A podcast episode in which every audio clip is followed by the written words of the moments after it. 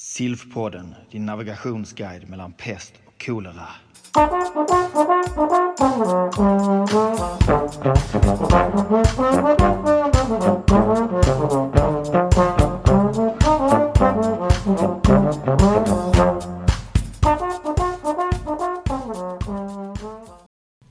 Hej och eh, välkomna allihopa till dagens webbinarium från oss på Mediehuset och eh, Svenska Infektionsläkarföreningen. Innan jag lämnar över ordet till Johan Tam som ska få berätta mer om dagens ämne så vill jag bara helt kort tacka eh, dagens sponsorer MSD och Pfizer. Tack för att ni gör det här mötet eh, möjligt. Utöver det så kan ni självklart ställa frågor till föreläsarna. Då eh, skickar ni in dem i qa chatten och så kommer Johan ta dem mot slutet på mötet. Med det så lämnar jag över till dig Johan. Tack så mycket Mediehuset för att ni hjälpte till att arrangera detta. Och detta är en del av eh, SILFs satsning på olika webbinarier och idag är det då vaccinationsgruppen som kommer att berätta om vaccination av vuxna inför och efter splenektomi.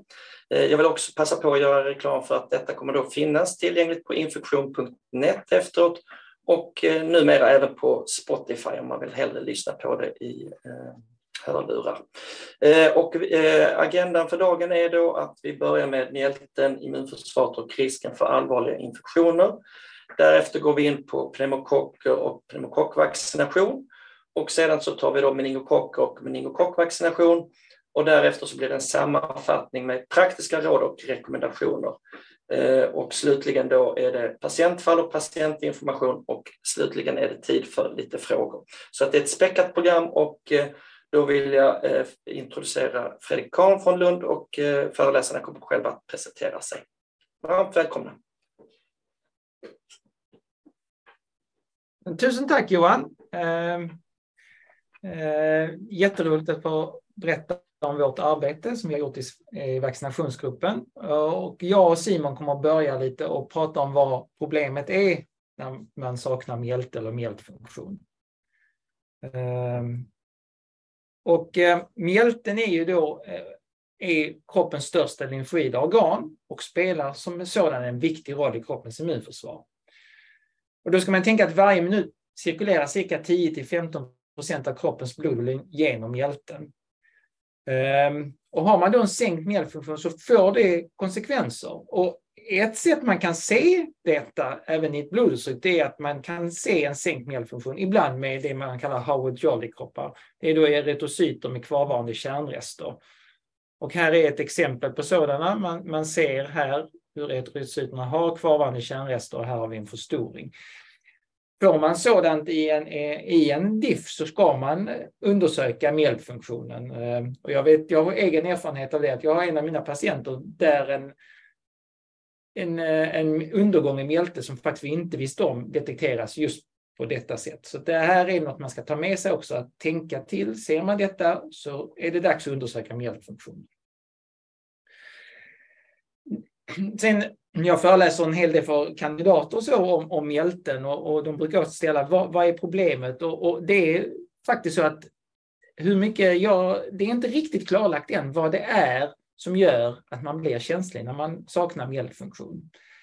De exakta molekylära, det, det, finns olika teorier, men helt klart skulle jag säga att det är inte riktigt än. Det är vissa kapslade bakterier där försvaret är sänkt eh, på något sätt. Och då ska man tänka att många bakterier opsoniseras direkt av komplement och kan därför tas om hand av makrofager i lever och mjälte. Men kapslade bakterier är till stor del dock skyddade från denna komplementdisposition. Så då får man hitta andra mekanismer. Eh, och där har man diskuterat om det kan vara pentamert IgM som är viktigt och det produceras då till exempel av B-minneceller i mjältens marginalzon. Och likadant med IgG2 där man ofta, det är ofta detta, eh, denna immunglobulinklass där man lägger försvaret mot polysackarider och, kapsel, och kapselantigen är ofta polysackarider. Så ofta läggs det i IgG2 och där deltar mjälten i produktionen väldigt mycket. Så att det, det är en teori varför det är så. Och sen ska man ha en bild här på att det finns skillnad mellan möss och human mjälte som gör att, att när man studerar det är det inte så lätt även att bara översätta.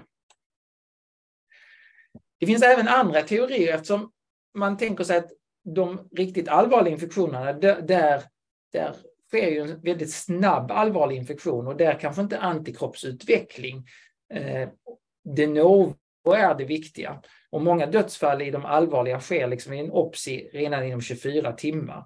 Och då, kan liksom inte, då spelar inte ny produktion i varje fall av antikroppar någon roll. Det kan ju finnas korsreagerande sedan tidigare eller immunitet. Det man då har funderat på, och nu är vi inne på teorier här, det är om man vet att marginalzonens makrofager uttrycker bland det man kallar DC-sign och även cialoadhesiner. Medan musmakrofager uttrycker då sin R1 som är deras homolog till DC-sign och är väldigt viktigt till exempel för opportunisering av pneumokocker. Så det här kan vara en mekanism. Och ska man spekulera ännu mer så finns det ju så här att från djurförsök, man har sett att pneumokocker kan gå förbi de här marginalsusmakrofagerna och man kanske då fångas upp av makrofager som istället finns i den röda pulpan.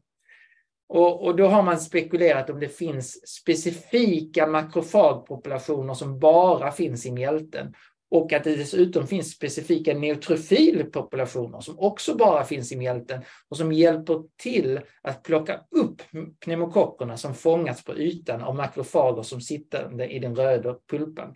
Det här då tänker man sig en mekanism som endast finns i mjälten och skulle kunna vara en av förklaringsmekanismerna till varför specifikt kanske pneumokocker är så känsligt om man sakar mjälten, därför att man har en specialmekanism här som bara finns i mjälten.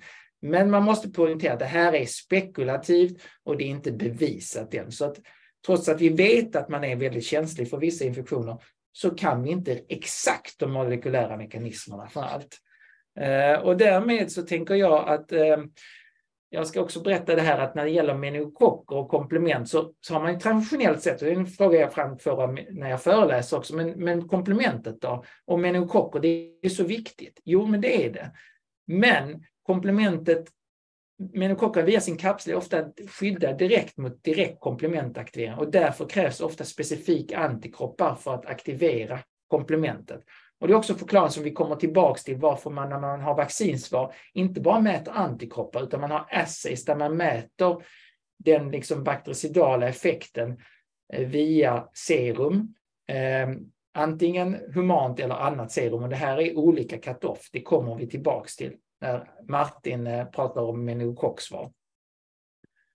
Sen kan man säga som en ytterligare så här eh, överkurs så, så finns också teori om att vissa antikroppar som bildas vid meningokockinfektion kan få skydda mot komplementaktivering och således är negativa ur en skyddssynpunkt för oss. Så att all antikroppsutveckling behöver inte vara bra och det vet vi också från andra infektioner att så behöver det inte alltid vara.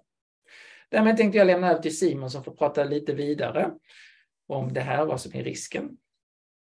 Eh, ja, eh, Simon Werner, hör ni mig? Det hörs bra Simon. Jättebra. Eh, jo, då tänkte jag, eh, förra bilden ska jag ha där, ska vi se. Eh, nej, där, där var den ja. Eh, jo, då ska jag prata lite grann om eh, vad leder detta då till i praktiken? Eh, hur ser eh, riskerna ut för olika bakterier eh, om man saknar sin mjälte? Eh, hur ser infektionsriskerna ut? Och då tänkte jag fokusera på att titta tillbaka på en äldre studie, en brittisk studie från 1991, eh, där man har eh, tittat på knappt 6 000 splenektomerade patienter som har splenektomerats under en 35-årsperiod mellan 1952 och 1987. Det låter som ett väldigt gammalt material, men det finns en poäng med det, att se lite grann hur ser fördelningen ut i en tid när vi inte vaccinerad mot eh, hemofilus pneumokocker, meningokocker. Eh, och som Fredrik var lite inne på här så dominerar ju pneumokockerna mycket stort. Eh, detta är då dödsfallsstatistiken som jag tycker är den mest intressanta.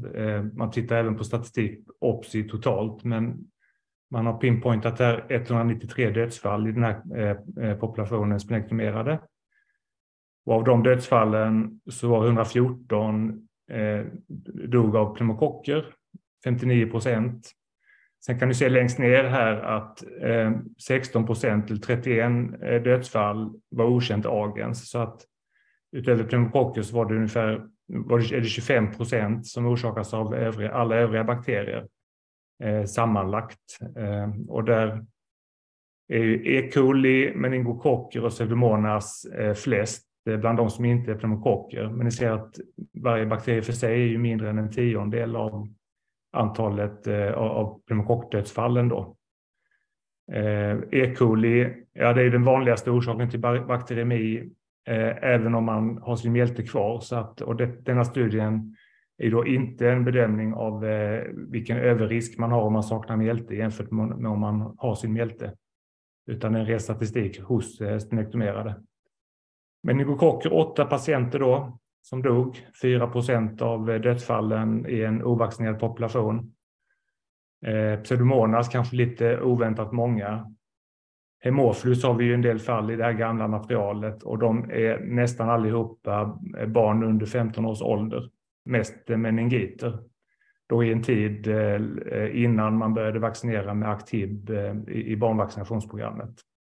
Och de har försvunnit, i, ser man i senare studier och i senare material, att hemofylusfallen har, har försvunnit senare efter att man har infört aktiv i, i barnvaccinationsprogrammet. Då. Eh, även pneumokockerna har minskat i senare studier eh, på, eh, i länder, bland annat danska studier där man har tittat i en tid när man gett pneumovax till eh, splenektomerade. Eh, då är pneumokockandelen mycket lägre. Eh, I, i de materialen. Eh, sen har vi gram-negativ bacilli, lite eh, speciell kuriosa för att där är också ett antal som överlevde, men två patienter då som dog. Står bara för en procent av dödsfallen här, men troligen var det kapnocytofaga eh, fall innan man visste att den bakterien fanns, för att det beskrivs i artikeln eh, att, som a curious infection caused by an unidentified gram-negative bacillus often associated with the dog bites. Och eh, Capnocytofaga fick sitt namn 1989 så att eh, det, det, är förmodligen Capnocytofaga-fall som man såg här. Och eh, stafylokock är väldigt få fall. Eh, eh, det är högre andel i en del senare studier, men i den här studien var det väldigt få dödsfall i stafylokocksepsis. Vi går vidare och eh, ska vi se. Nu lyckas jag inte bläddra här. Om du bara testar att klicka på bilden där en gång. Ja, ja, ja vad bra. Nu, eh, kapnocytofaga då. Här är studier på 484 kapnocytofaga-fall eh, och eh, sammantaget den, det är inte bara spenektomerad utan alla i en kohort, eh, mortalitet på 26 procent. Av de här fallen så var 59 spenektomerade, vilket innebär att 12 procent av kapnocytofaga-fallen var spenektomerade. Så att eh, där, jämte pneumokocker så är det väldigt tydligt visat att, eh, att, att risken för kapacitet kapnocytofaga är väldigt kraftigt ökad om man inte har mjälte. Lärdomen av det är att om man är spenektomerad och får ett hundbett så ska man söka läkare och få antibiotikaprofylax. Min sista bild innan jag lämnar över då. Den förra studien studerade ju bara bakterier, men även en del parasiter har ju tydligt förhöjd risk eh, om man saknar mjälte. Ser vi på babesios så är ungefär en tredjedel av patienterna med klinisk eh, babesios eh, splenektomerade, så att det är en väldigt stor andel, väldigt stor överrisk om man saknar mjälte. Och det där är viktigt att känna till, för det är ju en parasit som finns bland fästingar även i Sverige. Så att eh, om man är splenektomerad patient med oklar infektion feber, trötthet eh, utan fynd i odlingar så ska man tänka på den här diagnosen ta ett blodutstryk och utesluta babesia också. Och sist då även malaria har man ökad risk för svår malaria eh, om man är spektromerad. Så att eh, extra, extra viktigt att gå till en reserådgivning och eh, inte slarva med sin profylax om man reser till malariaområde.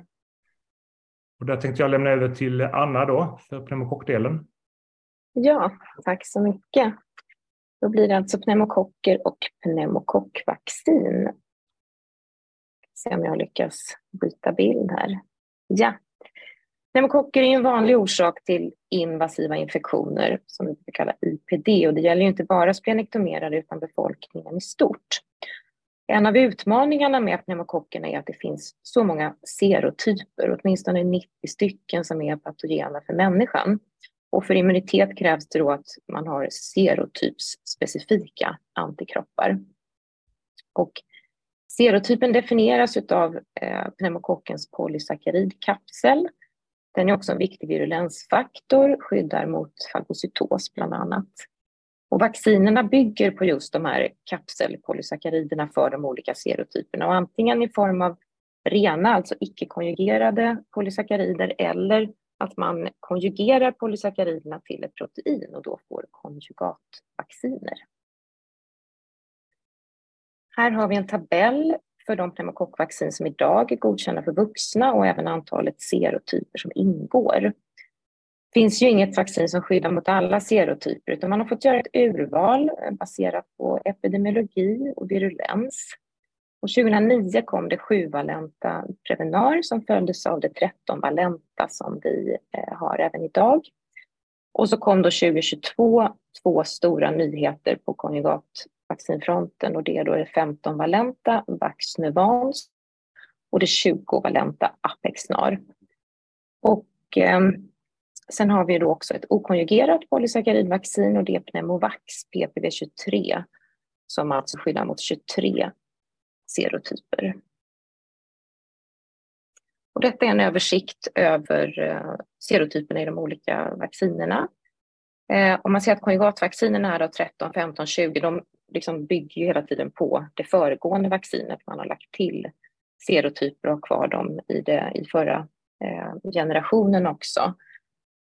Ehm, och längst ner i bilden då PPV23 innehåller nästan alla serotyper som PCV20 gör med ett undantag 6A, men har också fyra helt unika serotyper som inget annat vaccin har. De som är gulmarkerade i bilden och eh, vi ska återkomma till dem. Det här är en figur som är baserad på statistik från Folkhälsomyndigheten med andel av typade IPD-stammar i Sverige 2018 till 19 som ingår i de olika vaccinerna och ser det som ni ser uppdelat på åldersgrupper också. Och man ser då att beroende på åldersgrupp, 20 till 40 procent av IPD-stammarna ingår inte i något tillgängligt vaccin. Så man når inte hela vägen genom att vaccinera. Eh, sen vill vi också betona här de röda staplarna som alltså är de här unika eh, stammarna för PPV23, de som inte ingår i PCV20. Och eh, under den här perioden så låg de mellan 6 och 7 procent. Och det är en av flera anledningar till att PPV23 är fortsatt betydelsefullt efter, även efter introduktionen av PCV20. Apexnar då, det är alltså ett proteinkonjugerat polysackaridvaccin och det bygger på föregångaren Prevenar 13. Det är ett väldigt nytt vaccin, det saknas helt kliniska effektstudier än så länge. Det saknas också studier på den specifika gruppen splenektomerade som vi pratar om idag. Utan EMA-godkännandet bygger på en analys av eh, OPA, alltså funktionella antikroppar. Och då har man jämfört PCV20 med dels PCV13 och dels med PCV23. Och när det gäller jämförelsen med PCV13 så kunde man visa non-inferiority för de här 13 gemensamma serotyperna, men man såg en tendens till lägre OPA vilket möjligen kan ha betydelse. Och i jämförelsen med PPV23 eh, så visade man på non-inferiority för sex av de sju övriga gemensamma serotyperna. Eh, dock inte för serotyp 8. Eh, och det kan ha klinisk betydelse för att den serotypen har ökat i Sverige på senare år och utgjorde 12 procent av IPD 2022. PPV23 då Pneumovax, det är ju ett okonjugerat polysackaridvaccin som sagt och vi har haft det länge. Det är välkänt, vi kan dess styrkor och också dess svagheter.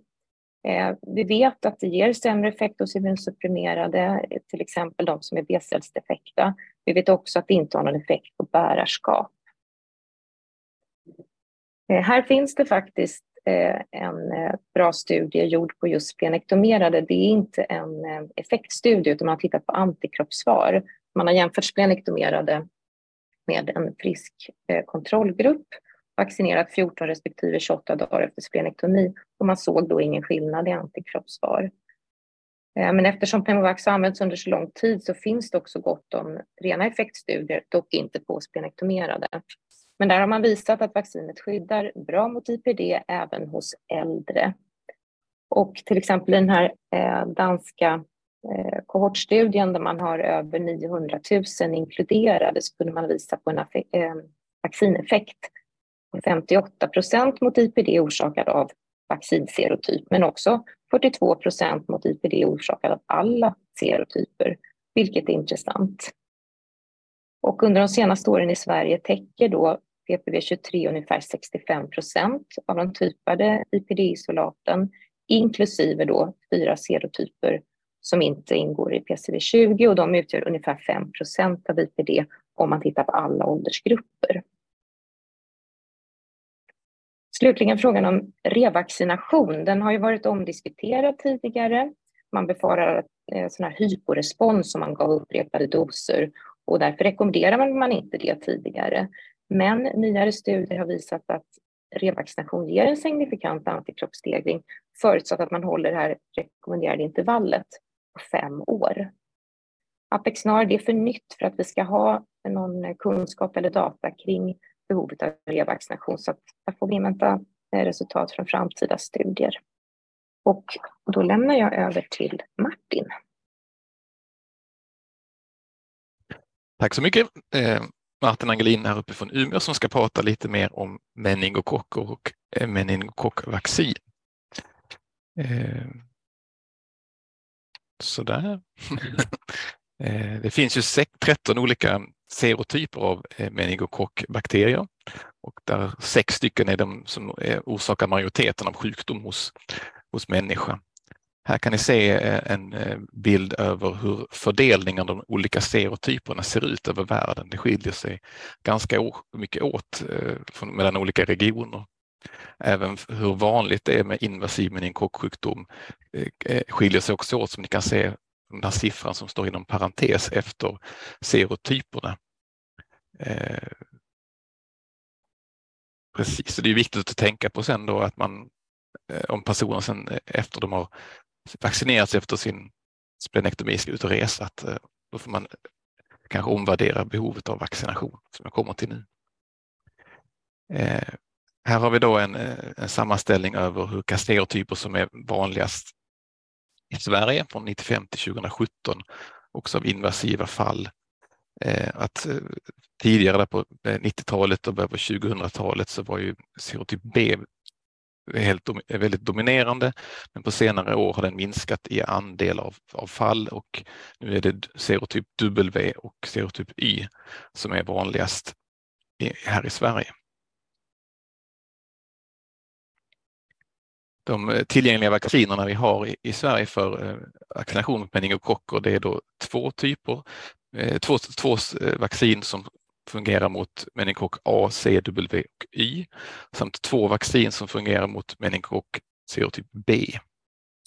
Eh, viktigt att tänka på här är att eh, MNV och Nimerix, alltså vacciner mot A, C, W, Y, är utbytbara eh, om man skulle boosta senare medan serotyp, eh, de mot serotyp B inte är det. Så är man grundvaccinerad med till exempel Bexero kan man inte boosta sen med Trumemba, detta för att de är riktade mot olika antigen.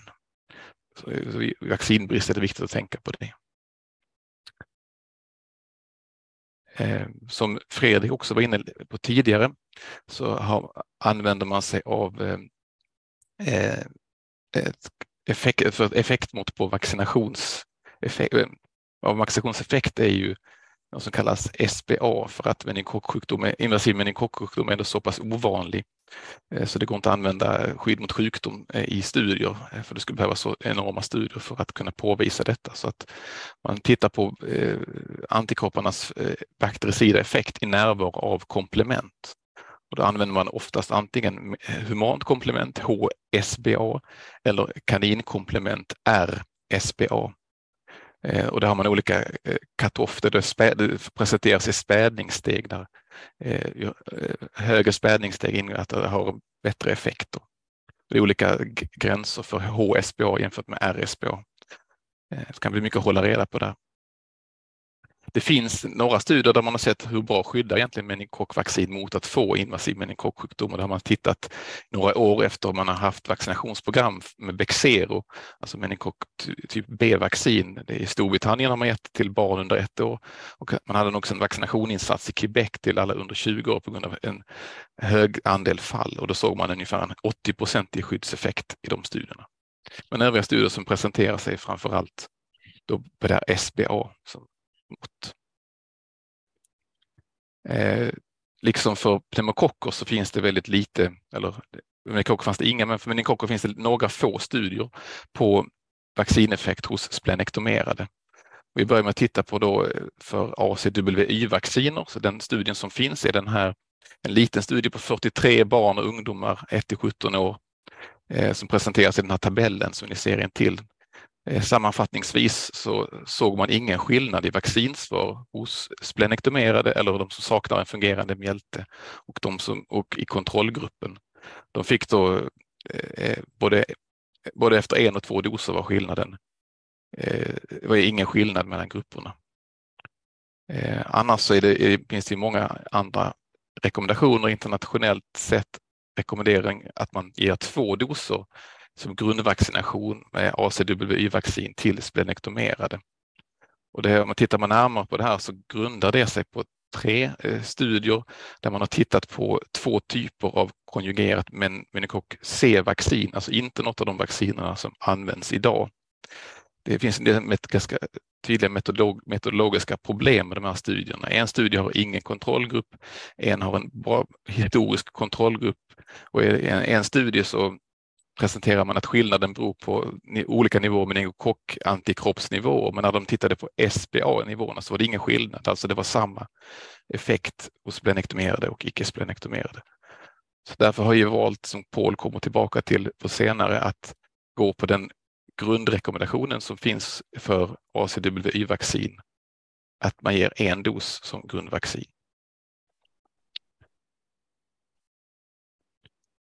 Eh, för om man tittar på, på MNB-vaccinerna, så den studien som finns på eh, personer som saknar mjälte så är det också en, en studie på barn och ungdomar, eh, 2 till 17 år med 239 deltagare.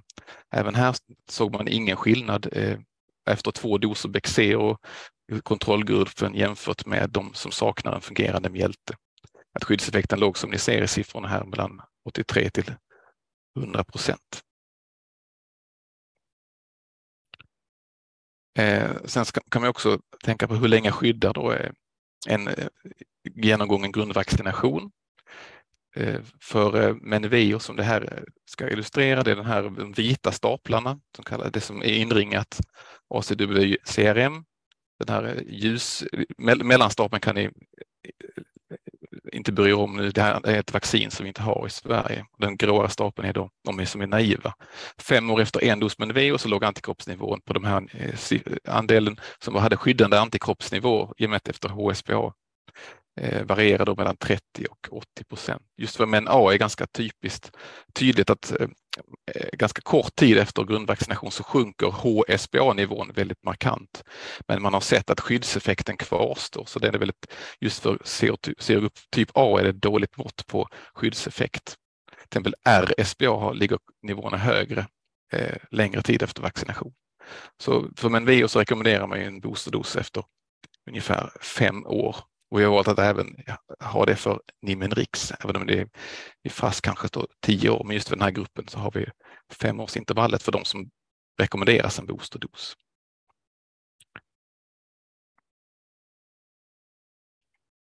Och här tittar vi då att det får en väldigt fin eh, boostereffekt av eh, en boosterdos eh, med väldigt hög antikropps, skyddande antikroppsnivå mätt enligt HSBA efter booster för alla serotyperna som ingår i vaccinet. Även den här den ljusa stapeln som står för Menve och den gråa är då Menactret vaccin som vi inte har i Sverige. Och vi går vidare och tittar på hur ser det ut då för eh, långtidseffekt, skyddseffekten för människor serotyp B. Här är då eh, grafer, det handlar om Trumemba-vaccinet mot de fyra referensstammar som vaccinet riktar sig mot. Och då kan man se att redan efter 12 månader så sjunker andelen som är skyddade mätt enligt HSBA ganska markant till låga nivåer under eller runt 50 procent. Eh, och eh, sen när man eh, i den här studien gav man en booster efter fyra år får en väldigt fin boostereffekt. Eh, och det finns ju inte eh, eh, riktlinjer egentligen för hur, när man ska ge Eh, booster för MB till de som inte är splenektomerade. Det finns en del riktlinjer att man ska ge en booster efter ett år. Det har vi också kommit fram till att det låter rimligt. Liknande bild ser man även för Bexero. Eh, ännu snabbare skydd, skyddseffekt om man tittar på liksom, när man jämför mot olika utbrottsstammar. Så det var det jag tänkte prata om eh, meningokocker och meningokockvaccin idag. Då lämnar jag över till Paul som kommer få ta oss vidare enligt vad de här ska leda till avseende vilka rekommendationer vi tycker är bra. Mm. Tack så mycket. Eh, Paul Skorup här från Uppsala som nu ska försöka sammanfatta här lite grann och så lite praktiska råd och rekommendationer. och det är så att vi har ett gemensamt dokument som heter Riktlinjer för vaccination av vuxna inför och efter splenektomi som alldeles är klart nu och som ska publiceras, hoppas vi inom kort. Det ligger nu på, på SILF styrelses skrivbord, tänker vi. Jag tror att de har möte idag. Så inom kort så kommer det här förstås på infektion.net hemsidan. Och här är en, ska vi se så jag kommer ner till nästa bild. Där. Här är en, en sån eh, faktaruta som kommer väldigt tidigt i dokumentet eh, som snart publiceras då. Och då är det de här områdena pneumokock, meningokock, säsongsinfluensa och hemofilusinfluensa B. Och jag ska nu i de här närmsta bilderna ta oss igenom det lite praktiskt och hur, hur vi ska göra. Förslag från oss då. Hur prioriterat är det här först och främst? Den här figuren finns också i dokumentet. Ja, men högst upp, stigande prioritet. Eh, sjukdomar som kan förebyggas med vaccin och då kommer ju högst upp då våra pneumokocksjukdomen. Och vaccin mot pneumokocker är högt prioriterat här. Och lite längre ner i mitten här så har vi meningokocksjukdomen. Medelstor risk att drabbas av invasiv meningokocksjukdom hos plenektomerade och vaccin mot meningokocker rekommenderas. Återkommer till åldrar och sådär strax. Och vad gäller hemofilusinfluensa B, liten risk för sådan och därför vaccineras, rekommenderar vi inte vaccination mot eh, HIB som jag kommer kort tillbaka till. Pneumokockerna först här nu då. Så är det en tidigare ovaccinerad person och då är det oavsett tid sedan splenektomin har gjorts så rekommenderar vi eh, en dos PCV20 och minst åtta veckor senare en dos eh, PPV23. Och revaccination, då är det PPV23 vart femte år. Och då är det förstås en del personer, patienter som har fått doser redan eh, vaccin mot pneumokock och då står det i vårt dokument hur vi rekommenderar att man gör med dem. Det finns en särskild tabell vet jag i slutet där av pneumokockkapitlet. Man kan göra. Meningokocker då, i praktiken nu. Och då ser ni längst till vänster att det spelar in här ålder på den som eh, genomgår splektomin.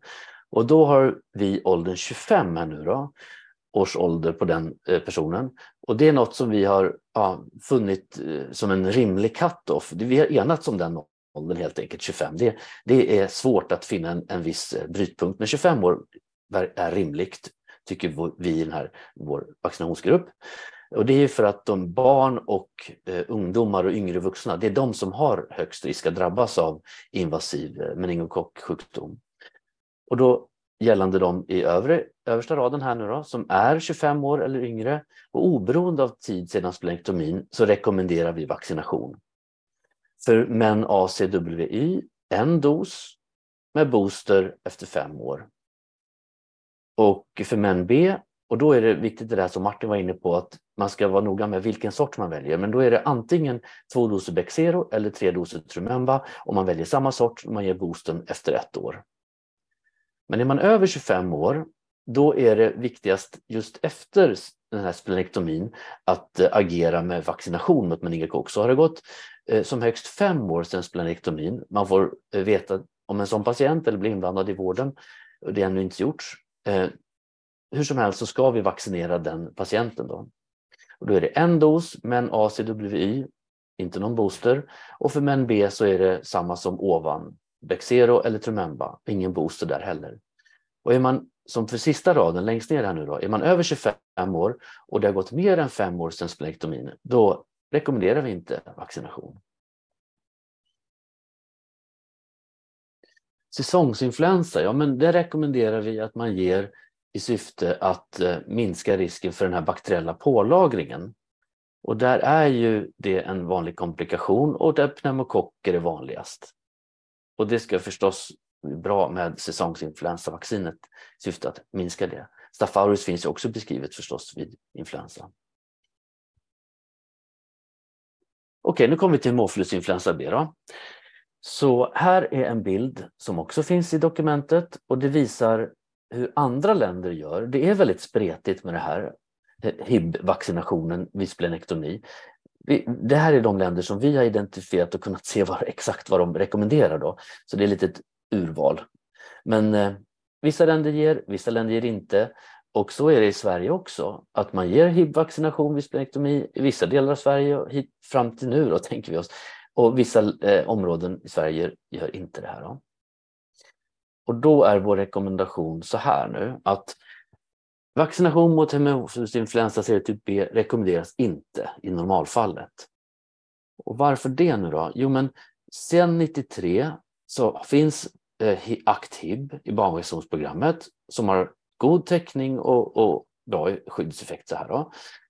Och vi vet ju att invasiv HI förekommer, men just invasiv HIB i Sverige är väldigt lågt nu sedan den här vaccinationen eh, för, eh, försiggår.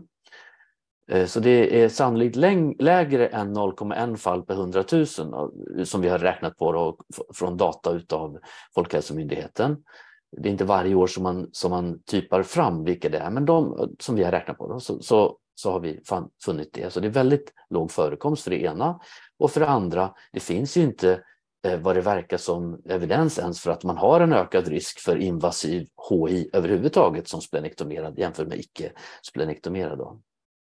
Så HIB eh, rekommenderar vi inte i normalfallet. Men när är det inte normalfall? Jo, men som jag, vi har skrivit längst ner här nu då. Eh, ska man till ett land där inte HIV-vaccination ges, till exempel Kina har vi identifierat där, då kan man i utvalda fall välja att ge vaccination inför en sån eh, eh, resa till exempel. Då. Bosätta sig. Eh, och då är det ju inte godkänt ens att ge till vuxna, men off-label så kan man ge det ändå aktivt. Sen tiden till vaccination är viktig också. Så antingen, då rekommenderar vi antingen två veckor före eller två veckor efter splenektomin. Så det är det som vi har landat i. Då. Och är det så att man är äldre och immunsupprimerad, då får det gärna vara större marginal om man kan planera in det här och göra före splenektomin. För jag gärna, låt, låter gärna det gå lite längre tid än två veckor, för där har man ett långsammare vaccinationssvar i den gruppen.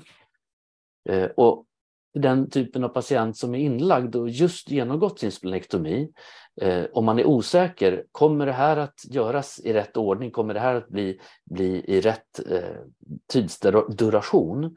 Då kan man faktiskt ibland välja att, eller föreslå i utvalda fall att ja, men då är det bättre att vaccinera lite för tidigt fast de två veckorna inte har gått efter splenktomi, Eh, om man känner att det här, det här är för vanskligt vad gäller patientens uppföljning. Eh, och då får man ju överväga antibiotikaprofylax istället. Då. Och just till antibiotikaprofylaxet. Eh, ja, det här handlar ju om den invasiva pneumokocksjukdom. Högst risk att drabbas av det och eh, här finns absolut möjlighet att ge antibiotikaprofylax. Då. Och vilka ska ha det? Ja, högriskpatienter har vi skrivit och det är fram till dessa har fått ett fullt vaccinationsskydd och det handlar om två veckor efter erhållet Apexnar och Pneumovaxet. Eh, högriskpatient, då menar vi men, patient med någon slags bekymrande samsjuklighet, inte minst immunsupprimerade. Då. Och är man immunsupprimerad med en allvarlig B-cellsdefekt då kan det faktiskt bli aktuellt med ytterligare förlängt antibiotikaprofylax för att de har så dåligt vaccinationsskydd efter givna pneumokockvaccinerna. Eh, Anti-CD20-behandling är exempel på det förstås. Då. Och preparat och dos. Och här har vi fram och tillbaka diskuterat och vi har haft eh, en dialog med Strama också vad som är en, en lämplig dos. Och då har vi landat i penicillin V 500 milligram gånger 2. Ja, jag tror att det var min sista bild. Och eh, då ska jag få lov att lämna över till Simon Werner igen. Eh, ja, då tar jag över. Eh, hörs jag? Du hörs, men vi ser dig inte. Ja, det hörs bra. Jag ska sätta på kameran. Eh, ja, då ska jag prata om, nu tänker jag, nu lämnar vi lite grann eh, vaccinområdet. Eh, jag kommer inte säga så mycket om vaccin, utan jag kommer att ta upp andra aspekter av splenektomi och sepsisrisker. Och för det är ju så att vi täcker inte alla bakterier med vaccin och de som vi kan vaccinera mot pneumokocker till exempel ger ju inte eh, vaccinet ett fullgott skydd även om vi vaccinerar optimalt.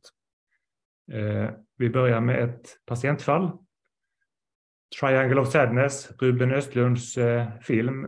Och den här bilden skildrar inte ett sepsisinsjuknande tror jag, utan sjösjuka, kanske i kombination med matförgiftning, om jag minns filmen rätt. Men att jag tar upp den här filmen är på grund av att Eh, i höstas, i augusti förra året, så avled eh, en av de kvinnliga huvudrollsinnehavarna eh, i en stormande, sepsis med ett stormande förlopp. Jag kommer inte säga så mycket om det fallet, men hon kom in på akutmottagningen i New York och var då i väldigt dåligt skick redan vid inkomsten och dog hastigt i en fulminant opsi orsakad av kapnocytofaga kanimosus.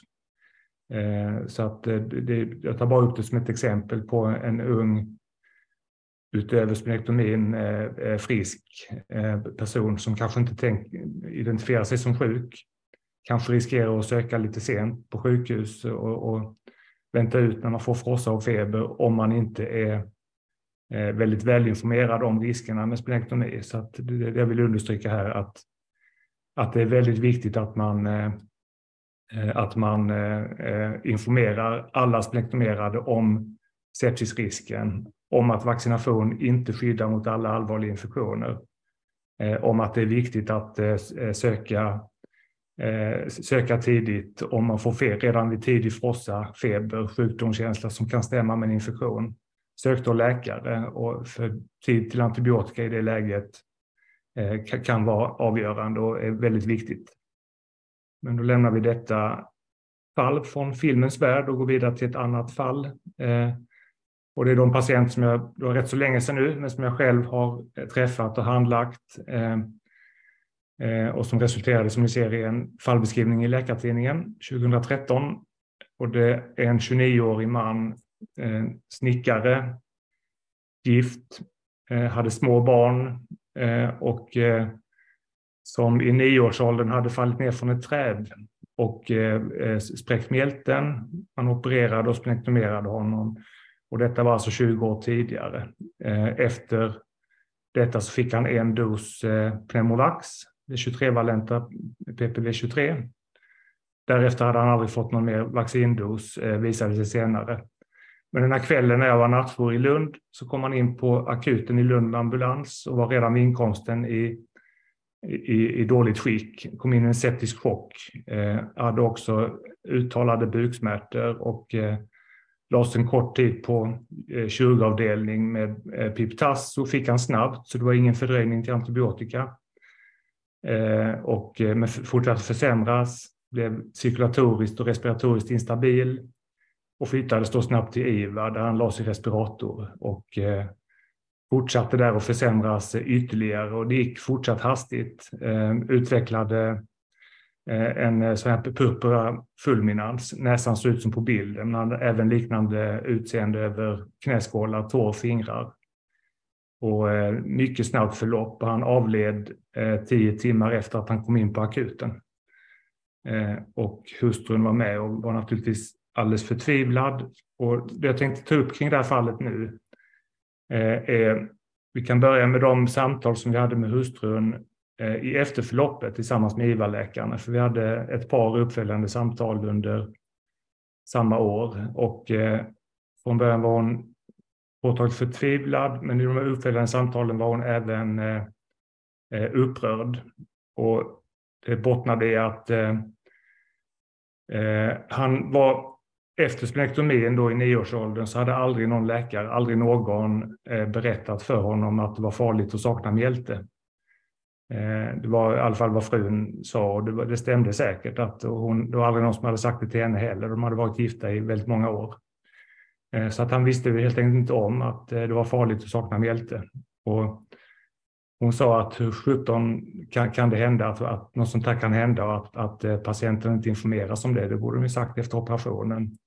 Han hade varit inne på ortopeden efter en motocrossolycka och legat inne och ingen hade sagt något. Och varit på ett antal besök på vårdcentral, olika vårdcentraler. Det var ingen som hade sagt något om att det var farligt att sakna mjälte. Eh, och det fick oss att tänka till. Och patientens hustru själv sa att det här måste ni ju informera läkarna runt om i Sverige om att, att eh, man kan inte glömma detta. Man måste informera alla spenektomerade om riskerna. För hade han vetat om detta så hade han ju naturligtvis sökt långt tidigare under eftermiddagen när han blev sjuk. Eh, nu gick han hem istället och la sig i sängen och hoppades att han kunde vänta ut eh, frossan och febern. Eh, och då bestämde vi oss för att det, vi tyckte hon hade helt rätt, så vi bestämde oss för att göra det. Då skrev vi bland annat den här artikeln. Och där trycker vi på vikten av pneumokockvaccinering, som ni ser här, och hur man ska pneumokockvaccinera. Men vi trycker även på vikten av fullgod och upprepad infektion, eh, information till patienterna om eh, riskerna med att inte ha någon mjälte. Eh, och sen så tog vi också initiativ till att utveckla mottagningen i Malmö. Och då införde vi det man kan kalla splenektomimottagning och det gör vi så att alla patienter som splenektomeras bokas in på ett läkarbesök på infektionsmottagningen eh, på SUS och eh, det lä läkarbesöket lägger vi upp så att vi har ett samtal med patienterna om eh, asplenin, om vad det innebär för risker, risker Kort om hjältens funktion. Vi berättar att risken för pneumokocker är allra störst och därför är det jätteviktigt att man blir pneumokockvaccinerad. Att riskerna för meningokocker också finns så att därför ska man, bör man även meningokockvaccinera sig. Och sen berättar vi att det, dock eh, täcker man inte med vaccin, man blir inte av med hela pneumokockrisken utan det finns fortfarande risk att man kan få en en allvarlig snabbt förlöpande sepsis. Så därför eh, är det jätteviktigt att man snabbt söker läkare och även på kvällar och helger så bör man då besöka akuten om man får feber och frossa, infektionssymptom. Så att eh, det går ut på ja, noggrann information till patienten och eh, på samma besök lägger vi då också upp en vaccinationsplan tillsammans med patienten och diskuterar vacciner och kommer överens med patienten om vilka vacciner vi ska ge och när vi ska ge dem. Eh, och vi, vi delar alltid ut också till patienten en skriftlig patientinformation eh, där allt detta framgår. För att ofta räcker det inte med information utan patienten behöver läsa på i lugn och ro för att eh, bottna i den här informationen. Sen är det lite en balansgång. Vi vill inte skrämma upp patienterna onödigt mycket. Så att, samtidigt måste man ju vara tydlig med att det är ett väldigt litet antal av de spenektomerade som får en allvarlig infektion samtidigt som man behöver informera så pass tydligt så att de faktiskt söker om, om man får eh, feber och frossa. Eh, så att det är en balansgång där. Jag brukar säga att om du är fullvaccinerad enligt mina råd och eh, om du söker tidigt när du får frossa så är det inga större risker med att sakna mjälte utan då brukar det, då brukar det gå bra eh, om man bara följer de råden. Eh, ja, patientinformation då. Då har vi länge haft det i Malmö och i Lund eh, som vi delar ut till patienterna som en skriftlig information. Eh, men nu har vi då skrivit en patientinformation eh, till eh, som vi har med i den nya riktlinjen som precis är på väg att läggas ut på Infektionsläkarföreningens hemsida. Så att denna patientinformationen där det framgår vad mjälten har för roll, vilka sepsisrisker man har, eh, att risken för pneumokocker är den största risken och framförallt informationen här om att får du feber och infektionssymptom så är det viktigt att du snabbt uppsöker läkare. Och kan du inte snabbt uppsöka läkare så brukar vi också berätta för patienten, det har vi inte skrivit här, men, men att eh, då bör man också påbörja en antibiotikakur. Så ofta skriver vi ut en kur och har i beredskap om man till exempel är ute och reser och inte kan söka direkt eh, så att man kan ta Amimox då i väntan på att uppsöka läkare så snabbt som möjligt. Också kort information här om att man ska uppsöka läkare om man blir djurbiten, hundbiten eh, och att man, eh, det är viktigt med resemedicinsk rådgivning och malariaprofylax och så. så att, och vi brukar också råda patienten, det står längst ner här också, att eh, ta gärna med den här informationen när du söker läkare så att du blir rätt, eh, så att de förstår Eh, att det är en att det inte är vilken lindrig feber och förkylning som helst, utan att det kan vara något allvarligare. Eh, ja, och den här kan jag alltså skriva ut som en separat skiv, eh, sida från den eh, nya riktlinjen. Det är tänkt som ett nationellt dokument som ska kunna användas i hela Sverige då. Så att det är ett tips på hur man kan lägga upp en splenektomimottagning för att patienterna ska vara välinformerade och, och känna till detta. Och där byter vi bild och då har vi en mycket kort sammanfattning då. När det gäller vacciner så är pneumokockvaccin det absolut viktigaste. Eh, det är den absolut största risken, eh, sepsisrisken om man saknar mjälte och där ska man ge både Apexnar och eh, Pneumovax. Och man ska också fylla på med nya vaccindoser längre fram efter fem år, men de rutinerna kan ju ändras efterhand i framtiden. Så att, men nu är det femårsintervall som gäller till nästa pneumovaxdos. Då. Eh, men pneumokockvaccin ska också ges i många fall, som Martin berättade om. Influensavaccin får skydda mot eh, eh sekundära bakteriella infektioner, eh, sekundärt till en influensa. Och sen de sista punkterna då, som inte är vaccinpunkter. Viktigt med informationen till patienten, som jag precis berättade. Att söka tidigt vid feber är livräddande eh, vid eh, tidig sepsis. Och eh, även viktigt förstås att man sprider information i vården att, så att man handlägger febrila splenektomerade patienter på rätt sätt. Det är jätteviktigt också. Så att, de inte, att det inte blir en doktors delay i slutändan. Så, då var jag klar, så då är det dags för frågor, tänker jag. Eh, tack så hemskt mycket eh, Simon. Eh, och vi har fått in lite frågor. Jag måste tacka gruppen för ett gediget arbete. Det var jättekul och intressant att lyssna på er. Men vi har ändå tid för lite frågor här. Och jag tänkte börja med en fråga som vi har fått från Kristina Elfing som undrar lite grann kring Barnläkarföreningens PM för splenektomerade 22-23 säger vaccination mot varicella om icke-immun eh, och antar att ni håller med om detta och att det är bra att kolla antikroppar. Vet inte vem av er som vill ta den frågan. Eh, kanske Paul. Eh, vill du ta den frågan på?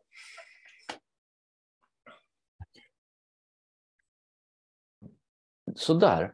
Nej men jag måste säga att jag för mig att vi, vi pratade om det här när vi tog fram det här dokumentet. Så sa vi att det, det, det, det kommer vi inte kommentera i första hand. vi, vi talar ju mest om vuxna och vuxna som inte har genomgått eh, varicellainfektion. Ja, det är alltid intressant förstås att man vill ge eh, vaccin då om man har kommit upp till vuxen ålder. Men det är inte per rutin att, vi, att man tar prov på alla de här personerna. Vi, så här, men det, gärna vi, att man frågar ut patienten. Det, ungefär där landar jag. Inte, inte per rutin ta provet. Det är någon som tycker annat. Jag, jag kan säga Fredrik, jag håller med dig Paul. Alltså att, vuxna som inte haft varicella ska man väl kanske vaccinera av andra skäl ändå när man är vuxen eh, och mm. inte har haft varicella. Men jag tycker ju också att anamnes ofta räcker på varicella för att de flesta vet ju att man har vattenkoppor och en anamnestisk uppgift skulle jag ju nöja mig med. Ja. Och gällande följdsjukdomar på just det som, som man skulle säga, kanske inte just de här sjukdomarna som allra dominerande. Pneumokocker är väl alltid en risk förstås när man blir sjuk. Exakt, ja. ja jättebra. Tack ska du ha. Eh, sen har vi en fråga om eh, eh, eh, konjugerade vaccin och det finns ju ingen långtidsdata för detta. Eh, men frågan är lite grann vad man kan säga om långtidseffekten. Rent teoretiskt kan man säga då att konjugerade vaccin är mer långverkande än det andra vaccinet. Jag vet inte om det är en fråga för dig Simon, eh, kanske? Eh, ja, antingen jag eller Anna. Jag kan, jag kan säga några ord om det.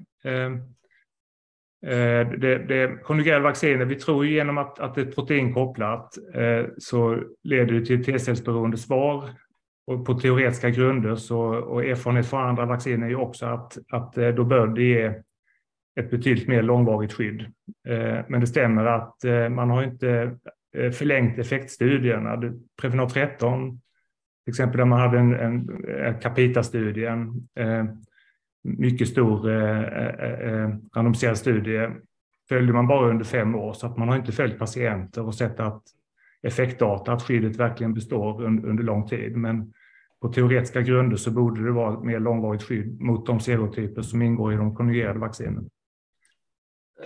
Och det är också skälet, också skälet till att vi fyller på med Pnemovax, eh, PPV23, var femte år. För att vi, där vet vi att vi har ett, ett mer kortvarigt skydd eh, på längre sikt.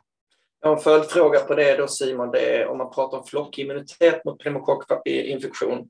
Eh, styrs det av vilket vaccin man ger?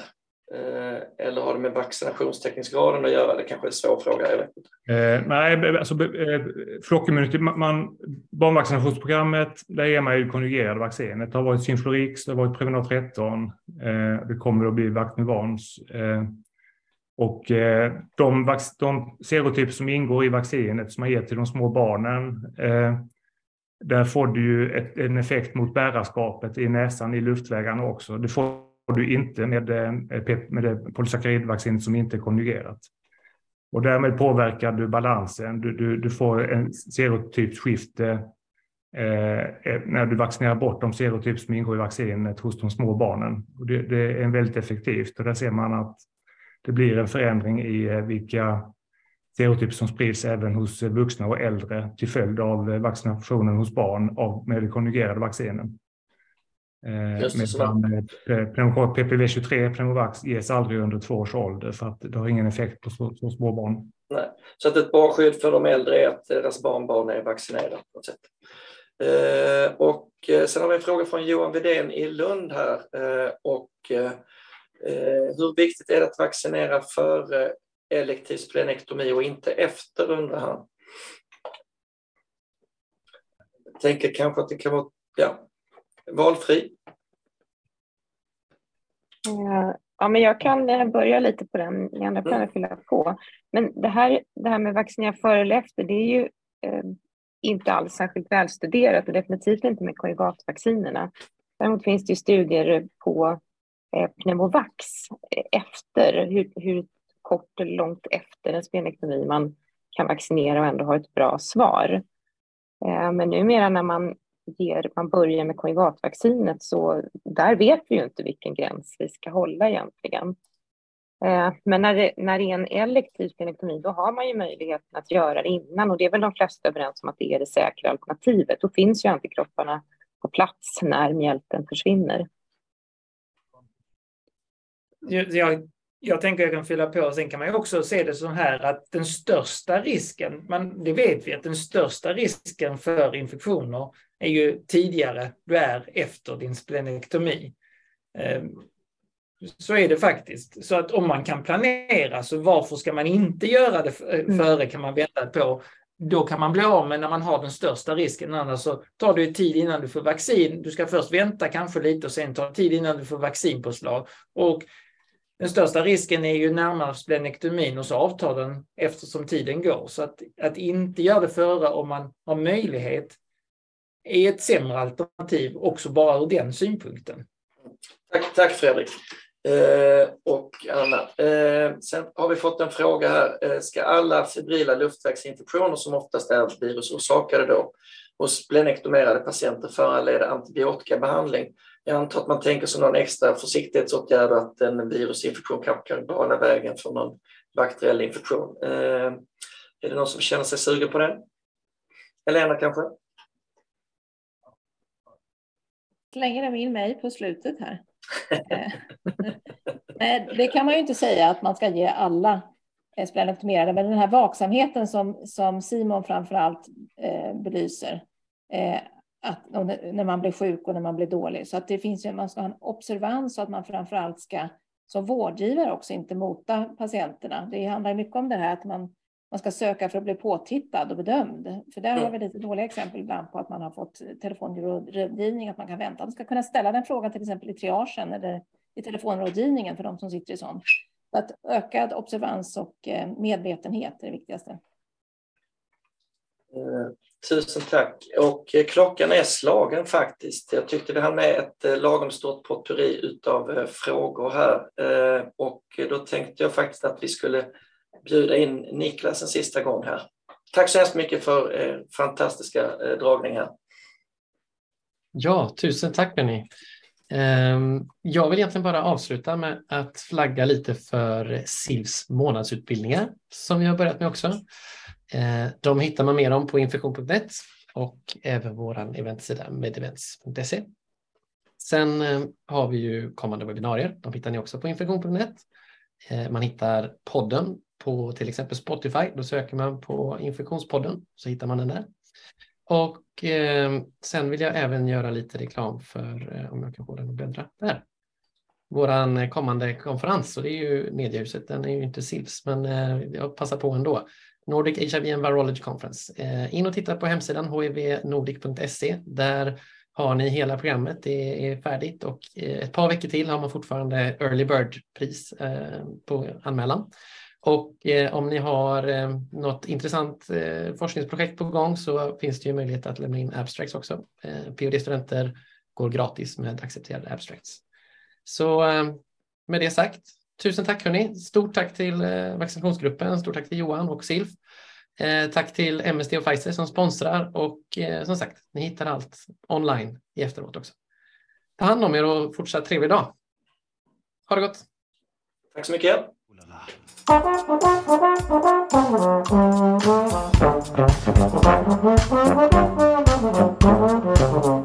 You.